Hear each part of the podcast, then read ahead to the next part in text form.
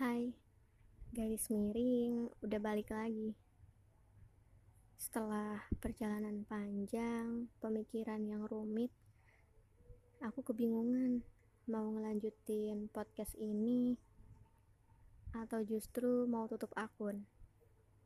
Sebenarnya aku seneng karena udah banyak banget yang denger dan support aku. Dan berkat support mereka, support yang luar biasa buat aku dari orang-orang terdekat, terutama teman-teman aku. Akhirnya, aku mulai mau bercerita lagi. Aku mau berterima kasih kepada semua orang yang ada di kehidupan aku sampai detik ini. Kepada setiap orang yang pernah ada di kehidupan aku, dan kepada setiap orang yang pernah ada lalu meninggalkan aku. Tapi dia lupa, lupa untuk membawa kenangannya, lupa kembali untuk mengambil kenangan itu. Dia hanya membuatku untuk selalu mengingat kenangan itu. Kenapa setiap orang selalu lupa jalan pulang? Sebenarnya bukan lupa, tapi mungkin sengaja sengaja nggak balik lagi supaya nggak ada lagi rasanya kehilangan atau rasanya perpisahan untuk yang kedua kalinya. Oke, sekali lagi terima kasih untuk semuanya. Kali ini aku mau bahas soal kesempatan kedua. Apa benar semua orang berhak atas kesempatan kedua?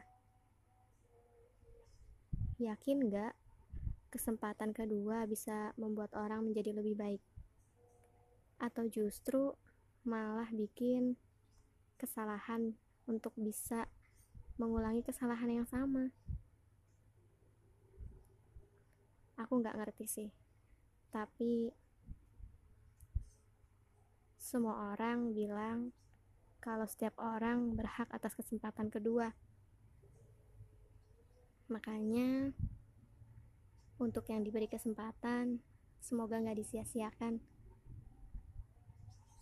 Susah loh buat coba maafin dan ngasih kesempatan.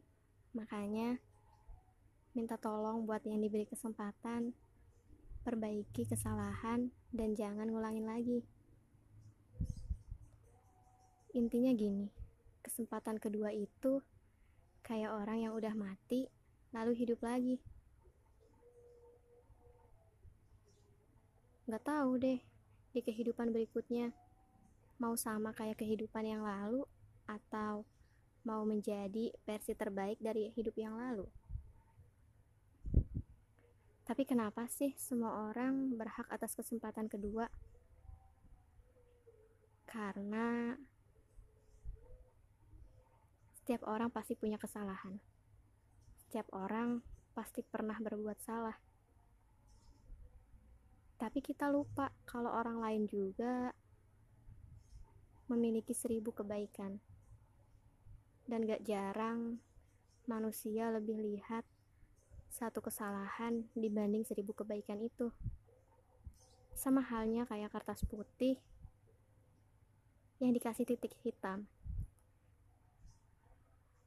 Kita sebagai manusia hanya fokus pada titik hitam itu.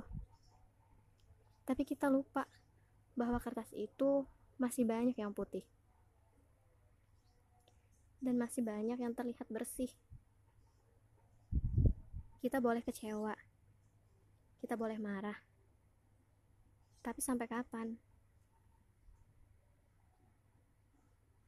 Kalau nunggu sampai orang lain juga ngerasain, itu nggak adil. Karena orang juga bisa berubah, dan semua orang bisa berubah. Baik yang jahat menjadi baik, jahat menjadi lebih jahat, atau justru yang baik jadi jahat. Aku berpikir kesempatan kedua harusnya digunain kayak gimana? Apa bisa diperbaiki semuanya? Meskipun nggak bisa sama seperti semula, baik perasaannya, baik rasanya, atau baik hatinya. Semuanya nggak mungkin sama. Karena setelah kesempatan pertama dan setelah kesalahan, itu susah buat dilupain. Gak bisa dong seolah-olah bersikap lupa gitu aja. Karena hati udah mulai keras. Dan pikiran sama hati udah bertentangan. Mau milih yang mana, kita gak bisa milih. Karena dua-duanya selalu mengusik pikiran sendiri. Bener sih kata orang, musuh terbesar adalah diri sendiri. Kadang susah buat maafin, dan juga kadang susah untuk ngasih kesempatan. Jadi, semoga ke depannya bisa berubah. Bisa berubah, bisa ngasih kesempatan, bisa maafin meskipun gak bisa melupakan. Terutama terhadap diri sendiri. Karena lebih sulit bersahabat dengan diri sendiri daripada dengan orang lain.